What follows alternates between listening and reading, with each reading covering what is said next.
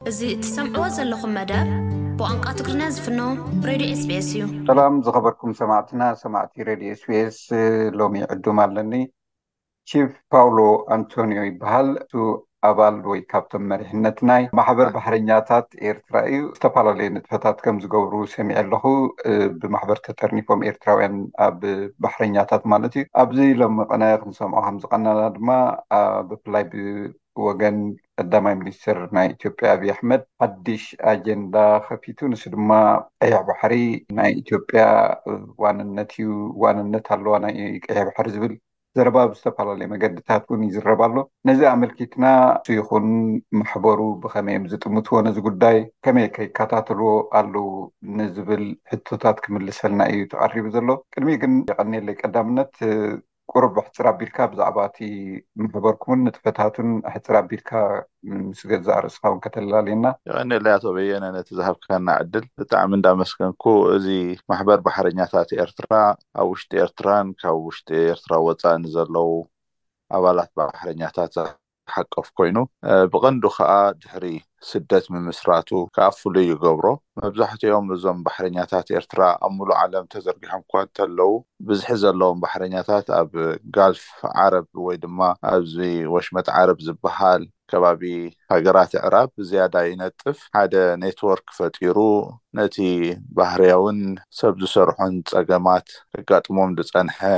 ብድሆታት ባሕረኛታት ኤርትራ ኣኪቡ ኣብ ምቅላል ሽግራት ይኹን ብኡብ በቲ ተፈጢሩ ዘሎ ማሕበር ከኣ እቲ ጉዳያቶም ኢህን ምሂን እንዳበሉ መፍትሕታት ኣብ ምርካብ ዘናድይሉ ሓደ ሞያዊ ማሕበር ባሕረኛታት ኤርትራ እዩ። ናብዚ ኣራኺብና ዘሎ ጉዳይ ከም ማሕበር ብፍላይ ድማ ኣብ ቀይሕ ባሕርን ምስ ባሕርን ርክብ ስለ ዘለዎ እቲ ስራሕኩም ነዚ ጉዳይ ብፍላይ ብወገን ኢትዮጵያ ክለዓል ከሎ ብዕቱብ ትከታተልዎ ዝጸናሕኩም ኢኹም። መግለጺታት እውን ኣብ ዝተፈላለዩ እዋናት ተውጽኡ ኢኹም። ዝሓለፈ ከም ካብ ኢትዮጵያ ብፍላይ ድሕሪ እዚ ዓሰብ ከምኡታት ዝኣመሰለ ክመጽእ ከሎ ወይ ኢትዮጵያ ሓይሊ ባሕሪ ከተሰልጥን ከላ ገለ ናይ ኢትዮጵያ ሚድያታት እውን ንዓኻትኩም ሓበሬታ ምልዋጥ እውን ኣብኡ ሰሪሕኩም ከም ዝኾንኩም ፈልጥ እየ እሞ ሕጂ ብፍላይ ኣብዚ እዋን እዚ ብግልፂ ዓው ኢልካ ዝዝረብ ዘሎ ዋንነት ቀይሕ ባሕሪ ይግባኣይ ንኢትዮጵያ ዝብል ብዶክተር ኣብዪ ኣሕመድ ክመፅእ ከሎ ዝተፈላለዩ ማዕከናት ዜና ድማ ከም ዓብዪ ውዒን ዜና ገይረን ክዛረባሉ ከለዋ ክትሰምዑ ከለኹም እንታይ እዩ ከም ውልቂ እስኻ እቲ ማሕበርከ እንታይ እዩ ምላሹ ከመይ ትሪእዎ ኣለኹም ከመይ ትከታተልዎ ኣለኹም እዚ ጉዳይ? እቲ ዝገለፅካዮ ቅድም ኣቢልካ እቲ ማሕበር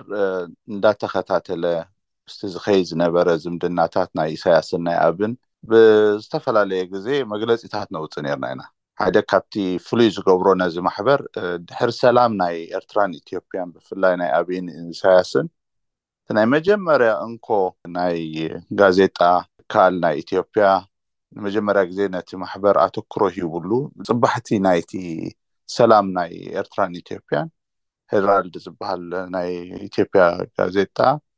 ኣፕሮች ገይሩ እቲ ኩነታት ከመይ ከም ንሪኦ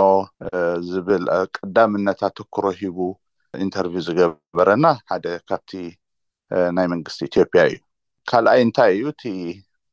ዝምድና ኤርትራን ኢትዮጵያን ኣመልኪቱ ባዕሉ እቲ ኢሳያስ እውን ይኹን ዋላ ኣብዪ ዓሰብ ተደሊኻ ባጽዕ ተደሊኻ ንስኻ ኢኻ ትመርሐና ዝብል ናይ ኢሳያስ ዓው ኢልካ ዝሃቦ መብጽዓታት ከምኡውን ብተደጋጋሚ ግዜ ናይ ኢትዮጵያ ሰብ መዚ ነቲ ናጽነት ናይ ኤርትራ ኤርትራውያን ኣይኣምንሉን እዮም ዝብል ኣብይ እውን ምስ ኢሳያስ ዓሰብ ኢና ንማቐል ዝብል እዚ መግለጺታት ናይ ኢትዮጵያ ሕጂ ንሰምዖ ዘለና በይናኣዊ እዩ ወይ ድማ ሓደ ኣብይ ንበይኑ ዘመንጮ ሓሳብ እዩ ዝብል ግምት የብለይን ኣነ ከም ውልቂ ከም ማሕበር እውን እዚ ክንከታተሎ ዝጸናሕና እውን ብተደጋጋሚ ክንህበሉ ዝንፀናሕና መግለፂታት እዩ። ስለዚ እንታይ እየ ዝብል ሕጂ ብከመይ ኩነታት ኣለዉ እዚ ዝኸይ ዘሎ ኩነታት ንክትግምቶ ብጣዕሚ ኣሸጋሪ ብዝኾነ መንገዲ ናይ ብሓቂ ድዩ ኣብይ ንበይኑ ዝብሎ ዘሎ እዩ ወይ ድማ ተጠሊሙ ድዩ ነቲ ኢሳያስ ኣቐዲሙ ዝኣተወሉ መብፅዓ ሕጂ ዓው ኢሉ ዝዛረበሉ ዘሎ ኣብ መንጎኦም ሓደ ምስጢራዊ ስምምዕ ዝነበረ እዩ ዝመስል። ዝብል ግምት እዩ ዘለና። ፅቡቅ እዚ እንዲቲ ግምታት ብዙሓት እውን ዝዛረብሉ ዘለዉ ዘረባታት እዩ ብፍላይ ድማ ክገብርዎ ዝፀንሑ ምስጢራዊ ርክባትን ነዚ ዝኣመተ እዩ ዝብሉ ነገራት ኣለዉ ንምንታይ ኣብዚ እዋን እዚ ግን ማለት ቁሩብ ከም ዝበልካዮ ኣብ ክልቲኦም ምናልባት እቲ ዝተባህለ መብፅዓ ስለ ዘይተፈፀመ ክኸውን ይኽእል እዩ ብከምዚ ዝመፅእ ዘሎ ዝብል ዘረባ ኢኻ ተዛሪብካ። ሕጂ ከም ንፈልጦ ኢትዮጵያ ብከቢድ ኩናት እያ ፀኒሓ ኣብ ዝሓለፈ ክልተ ሰለስተ ዓመታት ሕጂ እውን ኣብ ኩናት እያ ዘላ። ከምዚ ኩነታት እናሃለወ ኣብ ገለ ገለ ማዕከናት ዜና እውን ትማሊ ዝሰማዕክዎ ኤርትራ ማለት ምድላዋት ትገብር ኣላ ነዚ በዚ ወገን ቡሬ ገለ ገለ ናብ ኩናት ምኻድ ንኹሎም ከየዋፅኦም ይኽእል እዩ ግን ነዚ ዝፀውር ቁጠባ ይኹን ሓይሊ ሰብ ንኩናት ማለተየ ኣሎ ድዩ ብክልቲኡ ወገን ምናልባት ከም ኣማራፂ ተወሲዶሞ ከምዚ ክንሪኦ ክንከታተሎ ዝፀናሕና እውን ኩናት ከም ቀሊል ተወሲዱ ህዝቢ ክሃልቕ ርኢና ኢና ብክልቲኡ ወገን ማለት እዩ ናብዚ ከምርሑ የዋፅኦም ድዩ ዝፀውር ዓቕምን ቁጠባን ሓይሊ ሰብን ከ ኣሎ ድዩ ኣብኡ እንተተመሪሑኸ እንታይ ሳዕቤን እዩ ክመጽእ ኣብቲ ዞባ ብሓፈሻ? እወ፣ ሕጂ ከም ብውልቂ ክግምቶ ወይ ክትንትን ክፍትን እንድሕር ኮይነ፣ ኣብ ኤርትራ ዘሎ ስርዓት እቲ እንኮን ሓደን ጸላኢ እየ ኢሉ ዝፈርሖን እንተልዩ ህዝቢ ኤርትራ እዩ። ነቲ ኣቕዲምና ክንገልጾ ዝጸናሕና እንድሕር ደኣ ምልስ ኢልና ክንሪኦ እንድሕር ፈቲንና፣ ኩሉ ትካላት ብፍላይ እቲ ኣሎ ዝበሃል ናይ መንግስቲ ትካል ክሰርሕ እንዳኸኣለ ኣዳኺምዎ ዘሎ ኮነ ኢልካ ዝተዳኸመ ትካላት እዚ ክልተ ወደብ ካብ ስራሕ ወፃኢ ኮይኑ እዩ። እቲ ንዕኡ ከንቀሳቕሱ ዝኽእሉ ኣባላት እውን ከምዚ ቅድም ኣቢለ ዝገለፅክዎ ኩልና ኣብ ስደት ኢና ዘለና። ስለዚ ሓደ ካብቲ ምስጢራዊ ስርዓት እቲ ዝጥቀመሉ ንምድኻም ነዚ ህዝቢ ኤርትራ ክትጥቀመሉ ነዚ ኩናት ውን ኣሳቢብካ መሊስካ ዝተረፈ እንተልዩ ውን ናብ ኩናት ንምእታው ብመደብ ዝስራሓሉ ውን ክከውን ዝክእል ግምታት ክወሃበሉ ይከኣል ኢዩ ዝብል እምነት ኣለኒ ምክንያቱ እቲ ኣብ ኤርትራ ዘሎ ትካላት ናይ መንግስቲ ጨሪሱ ንህዝቢ ኣገልግሎት ኣብ ዘይህበሉ ደረጃ ኣብጺሕዎ ኢዩ እቲ ስርዓት በንጻሩ እንድሕር ዳኣ ኣብ ኢትዮጵያ ከድካ ርኢካዮ እቲ ንወደብ ዝምልከት ንሓይሊ ባሕሪ ዝምልከት ባሕሪ ዘይብሎም ክንሶም ዘመናውነቱን በብግዚኡን እንዳማዕበለ ዝመጸን ንሕና ወደብ ኣለና ባሕሪ ኣለና ክንብል ዝኾነ ይኹን ናይ ምግፋፍ ዓሳ ይኹን ካብኡ ተረባሒ ዝኾነ ህዝቢ ኤርትራ የብልናን ናይ ንግዲ መራኽባት እውን ዝነበሩና ሎሚ ጠስጢሰን ተዳኺመን ኣብ ፈቆድኡ ወሰን ባሕሪ ናይ ኤርትራ ኣብኡ ተጸጊዐን እየን ዘለዋ። በንጻሩ ከኣ ቤት ትምህርቲ ኣሎ ኣብ ኢትዮጵያ ኣብ ሓይሊ ባሕሪ ተመስሪቱ ኣሎ መስመር ንግዳዊ መራኽብ ኣለዋ ኢትዮጵያ ዘመናውያን ዝኾኑ ማለት እዩ ስለዚ እዚ ክትሪኦ ከለኻ ካብዚ ዝኸይድ ዘሎ ኩነታት እቲ ኣብ ኤርትራ ዘሎ ስርዓት ነቲ ኣብ ኤርትራ ዘሎ ህዝብን ትካላትን ኣብ ምድኻም ከመምኽኔታ ገይሩ ኩናት ክጅምር ጸገም ኣይክህልዎን እዩ ዝብል ግምት እዩ ዘለኒ። ከም ንፈልጦ ቀይሕ ባሕሪ ዝተፈላለያ ሃገራት ዝዋሰኖ እየን ሶማልያ ኣላ ጅቡቲ ኣላ ሱዳን ኣላ ኢትዮ ኤርትራ ኣላ ኣብዚ ክልተ ሰለስተ መዓልቲ ውን ኩለን ነዚ መግለጺ ምስ ዝሰምዓ ጅቡቲ ኹን ሶማልያ መግለጺታት ኣውጺኤን ኤርትራ ውን ብመጠኑ ኣውጺኣ ኣላ ስለዚ ንምንታይ ኤርትራውያን ብፍሉይ ዝሻቀሉሉ ዘለዉ ሓደ እቲ ካልእ ድማ ማለትሲ ብሓባር ክንጥቀመሉ ንኽእል ኢና ዝብል ኣዘራርባ ኣሎ እሞ እዚ ኸ እንታይ ማለት ብሓንሳብ ክምዕብል እቲ ህዝቢ ኣይከኣልን ድዩ? ከም ንፈልጦ ናይ ኤርትራ ወደባት ንዕስራ ዓመታት ዝኸውን ደስኪል እዩ፣ ዋላ ሓንቲ ኣብ ረብሓ ኣይወዓለን ማለት እየ። ስለዚ እታ ዝዓበየ ክትጥቀመሉ ትኽእል ድማ ኢትዮጵያ እያ። ስለዝስ ተጠቒማትሉ ብሓባር ማለትሲ ከምኡታት ዘረባ እውን ስለ ዘሎ ንኽልቲኡ ወገን ርኢኻ ማለት እዩ። ሓደ ብፍሉይ ንኤርትራ ዝብል ዘረባ ኣየለን፣ ኩለን እውን ይምልከተና ኢለን ዝሓሰባ ሃገራት እውን መግለፂታት የውፅኣ ኣለዋ። ብሓባር ናይ ምስራሕ ክስታይ እውን እንተሎ እንታይ ፀገም ዝብል ንክልቲኡ ክትርእየለይ ዶ? ሓደ ነገር እንታይ እዩ እቲ ናይ ብሓባር ናይ ምስራሕ ድሌት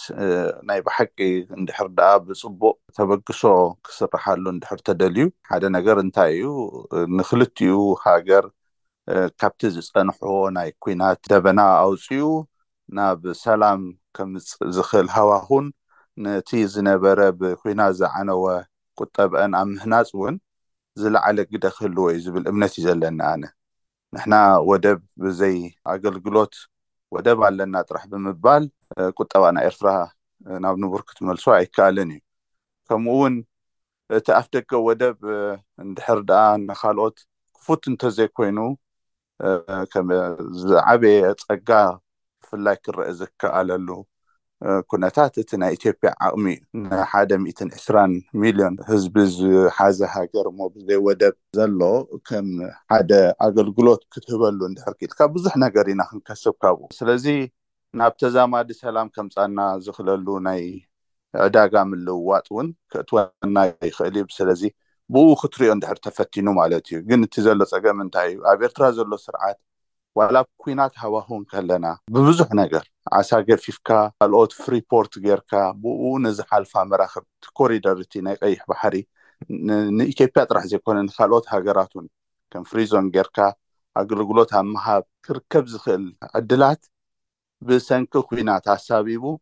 ከምቲ ኣቐዲመ ዝገለጽክዎ እቲ ወደብ ሕጂ ንኽትጽግኖ ኣብ ኣሸጋሪ ብዝኾነ ኩነታት እዩ ናይ ዓሰብ ወደብ ብፍላይ ንዕስራ ዓመት ባዲሙ እዩ ስለዚ ሰናይ ድሌት ሰላም ዝብል ብሸነኽ ኤርትራ ሰለዘየለ ሕጂ ንከምኡ ዓይነት ዕድል ክህሉ እዩ ዝብል እምነት የብለይን። እንተታት ግን ብሓንሳእ ናይ ምጥቃም ንክልቲኡ ሃገራት ረብሓታት ክረኣየሉ ዝኽእል እንድሕሪ ደኣ ተሓሲቡ ኮይኑ፣ ንሕና ኣገልግሎት ክንህቦም ወደብ ከፊትና ክነካርዮም ዲና ብኡ ንክጥቀሙ ሰርቪስ ክንህብ እንድሕር ኮይኑ ብዙሕ ነገር እዩ ዘድልየና ኤክስቸንጅ ክንገብር ካብኦም ንረኽቦ ሓደ ሓደ ነገራት ከምቲ ቅድም ኣቢሉ ንሱ እቲ ቃለ መጠየኡ ኣብቲ መግለፂታቱ ዓብ ዝብሎ ዝነበረ ናይ ኣገልግሎት ናይ ኤሌክትሪክ ድዩ ካልእን ካልእን ካብኦም ክንወስድ እሶም ከዓኒ በቲ ወደብና ክጥቀሙ ንዝብል ኣገልግሎታት ኣብ ምፍጣር መፃኢ ሰላም ናይ ክልትኡ ሃገራት እውን ኣብዚ ተመርኮሰ ንክኸውን ብዙሕ ዕድላት ከም ዘሎ ይረኣየካ እዩ። ስለዚ በዚ እንተረኣና ይሓይሽ ዝብል እምነት ኣለኒ። ብሸነኽ ኤርትራ ግን ክኸውን ይኽእል እዩ ዝብል እምነት ግን የብለይን። ከመይ ማለት እዩ ብሸነኽ ኤርትራ? ማለት ከምዚ ዓይነት ኦፈር ወይ ከዓ ህያብ ዲና ክንብሎ ምልዋጥ እንድሕር ካብ ኢትዮጵያ እንድሕር መፂኡሲ ከምቲ ዝበልካዮ ናይ ኤሌክትሪክ ሓይሊ ኣብ ምሃብ ከምኡውን ናይ መገዲ ኣየር ናይ ኢትዮጵያ ብዙሕ ኣታዊ ዘለዎ ስለ ዝኾነ ብኡ ገለ ዝተርፈ ዝተወሰነ ሼር ሂብካ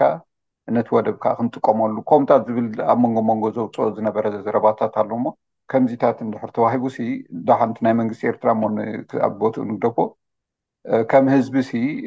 ረብሓ ዶ ኣይኮነን ካብ ዝብል እየ። እወ ሕጂ እንታይ እዩ ከምቲ ቅድም ኣቢለ ዝነገርኩኻ ንሕና ወደብ ኣለና ጥራሕ ብምባል ብዘይ ኣገልግሎት ምንም ዓይነት ጥቕሚ ከምዘይንረኽበሉ እዩ። እንታይ እቲ ኢትዮጵያ ተፍርዮ እቲ ኣቀማምጣ ቅርፂ መሬት ናይ ኢትዮጵያ ዘለዋ መዓድናት ትገብሮ ኤክስፖርት ወይ ኢምፖርት ትገብሮ ነገራት ጥራሕ ብወደብ ዓሰብ ብተመጣጣኒ ዋጋ ክጥቀምሉ ብምግባር ንሕና ኣብቲ ክንርብሓሉ ንኽእል ሕጂ እንታይ ክጥቀምሉ ጥራይ ዘይኮነስኒ ሕጂስ እንታይ ከም ዋንነት ብዋንነት ዓይነት እዩ ዝሪኦ ዘለዉ ዋና ናይ ምዃን ማለት እዩ ዋና ክትከውን ድማ ገለ ነገር ክትከፍል ኣለካ ዓይነት እዩ እቲ ዘራርባ ንሱ ድማ ከም ዝበልኩዋ ሓይሊ ኣየራ መገዲ ኣየር ኢትዮጵያ ኣሎ ዓብዪ ኣብ ኣፍሪቃ ናይ ሓይሊ ኤሌክትሪክ ኣሎ ከምኡውን ናይ ቴሌኮሙኒኬሽን ማለት እዩ ኢትዮ ቴሌ ኢትዮጵያ ዝበሃል እውን እዚታት ሂብናሲ ዋና ክንከውን እዩ እቲ ሕቶ እምበር ከምዚ ከፊልካስ ነቲ ወደብ ክትጥቀመሉ ጥራይ ኣይኮነን እቲ ኣዘራርባ ካብቲ ዝዛረቦ ዘሎ ማለት እወ እዩ። ኣብዚኣ ቁሩብ እወ ኣብዚ ቁሩብ እቲ ኣሸጋሪ ዝገብር እንታይ እዩ ኣፍደገ ወደብ ብምርኣይ ወይ ድማ ኣፍደገ ወደብ የልየና ኣሎ ሰለዘይብልና ዝብል ምልክት ብምግባር ናይ ዋንነት ሕቶ እንድሕር ኮይኑ ብጣዕሚ ኣሸጋሪ ክኸውን እዩ ማለት እዩ። ምክንያቱ ንሕና ክሳዕ ኣካሪና ዲና ወይ ኣገልግሎት ሂብና ካብኦም ንረኽቦ ኣታዊታት ካልእ ናይ ኤሌክትሪክ ይኹን ናይ ኣየር ናይ ቴሌኮሙኒኬሽን ይኹን ናይ መንገዲ ኣየር ይኹን ክንገዝኣሉ ንኽእል ዓቕሚ ክህልወና እዩ። ሰዚ ቁሩብ ኣብቲ ናቱ ግምታት ከመይ ጌሩ ከምኡ ዓይነት ግምት ወሲዱ ብጣዕሚ ኣሸጋሪ ዝኾነ ካልኩሌሽን ጌሩ ኣሎ ዝብል እምነት እዩ ዘለኒ ምኽንያቱ ሂብካ ከምዚ ዕዳጋ ናይ ምግባር ተኽእሎታት ኣብ መንጎ ክልቲኡ ሃገራት እንድሕር ኣሎ ጸገም ኣይምሃለወን ኔሩ ናይ ዋንነት ሕቶ ግን ንኣፍደገ ወደብ ጥራሕ ኣይኮንካን ናይ ዋንነት ሕቶ ተብል ኣብ ባሕሪ ነብሱ ዝኸኣለ ጸጋታት ኣሎ ማዕድናት ኣሎ። ኣብቲ መሬት እውን ከምኡ ዓይነት ጸጋታትን ማዕድናትን ኣሎ። እዚ ግምት ዘየእተወ ኣፍደገ ወደብ ደልየ ጥራሕ ብምባል ዝሕተት ዘሎ ክብርን ልኡላውነትን ናይቲ ሃገር ምግሃስ ከም ምዃኑ መጠን እዚ ሕቶ እዚ ናብ ሓደገኛ ዝኾነ ኣንፈት ክመርሓና እዩ ማለት እዩ። ስለዚ እቲ ኣፍደገ ወደብ ዝብል ሕቶ ብደረጃ ተኻራይን ኣካራይን ዝግበር ውዕላት እንተዘይኮይኑ ይግባእኒ እዩ ዝብል ግን ካብዚ ሓሊፉ ናይ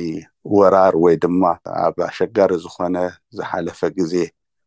ዝሓለፍናዮ ናይ ኩናት ሃዋኹ ክእቶና እዩ ማለት እዩ። ጥራይ ማለት ከም ዝበልካዮ መወዳእቱ እንድሕር ከምዚ ኮይኑ ኤርትራ ኣይህብን እየ ኢትዮጵያ ድማ ይግባኣኒ እዩ ኣብ ዝብል ብፍላይ ንኤርትራ እንድሕር ኮይኑ እቲ ፎካስ ማለት ከም ንሪኦ ዘለና እውን ብፍላይ ዝዝረብ ዘሎ ብፍሉይ ንዓሰብ እውን ዝጥምቶ ጉዳይ ስለ ዝኾነ እንታይ ክመፅእ ዝኽእል ኣብዚ ቁሩብ ይኹን ናብ መፃኢ ኢልካ ማለትዩ ዝረኣየካ ነገር እንታይ እዩ በዚ ዝምዕብል ዘሎ ኩነታት ማለተይ ሕጂ ከምዝበልክዎ ኣጀንዳ ኮይኑ ኣብ ኢትዮጵያ ከም ዓብዪ ወይ ከም ሓድሽ ዛዕባ ኮይኑ እዮም ዝዝርቦ ዝዝረብሉ ዘለዉ ዋላ ክኢላታት እንዳምፅኡ ድዮም ገለመለ ብዙሕ ዝዛረብሉ ዘለዉ ህዝቢ ኢትዮጵያ እውን ከምዚ ዓይነት ተሰሚዑን ናብኡ ክታይ ክገብር ይኽእል እዩሞ እንታይ እዩ ክምዕብል ዝኽእል ኣብዚ ጉዳይ እዚ ኣብዚ ቁሩብ ግዜ ይኹን ኣብ መጻኢ? እወ እንታይ እዩ ሓደ ነገር ኣብ ዝሓለፈ ዕስራ ዓመት ኢትዮጵያውያን ዝተምሃርዎ ነገር ኣሎ ዝብል ግምት ኣለኒ ኣነ። ኢትዮጵያ ብዘይ ወደብ ንዕስራ ዓመት ብጽቡቕ ኣመራርሓ ዝነበረ ክኢላዊ ዓቕሚ ናይቲ ኣብ ሽዑ ግዜ ዝነበረ ፕራይም ሚኒስተር መለስ ዜናዊ ኢትዮጵያ ብዘይ ዝኾነ ይኹን ናይ ወደብ ዓሰብ ብኻልእ ሸነኽ ናይ ጅቡቲ ይኹን ናይ ኬንያ ናይ ሶማሌላንድ ወደባት ኣገልግሎት ክትረክብ ከም ዝኸኣለት ነቲ ሕብረተሰብ ዘርኣየሉ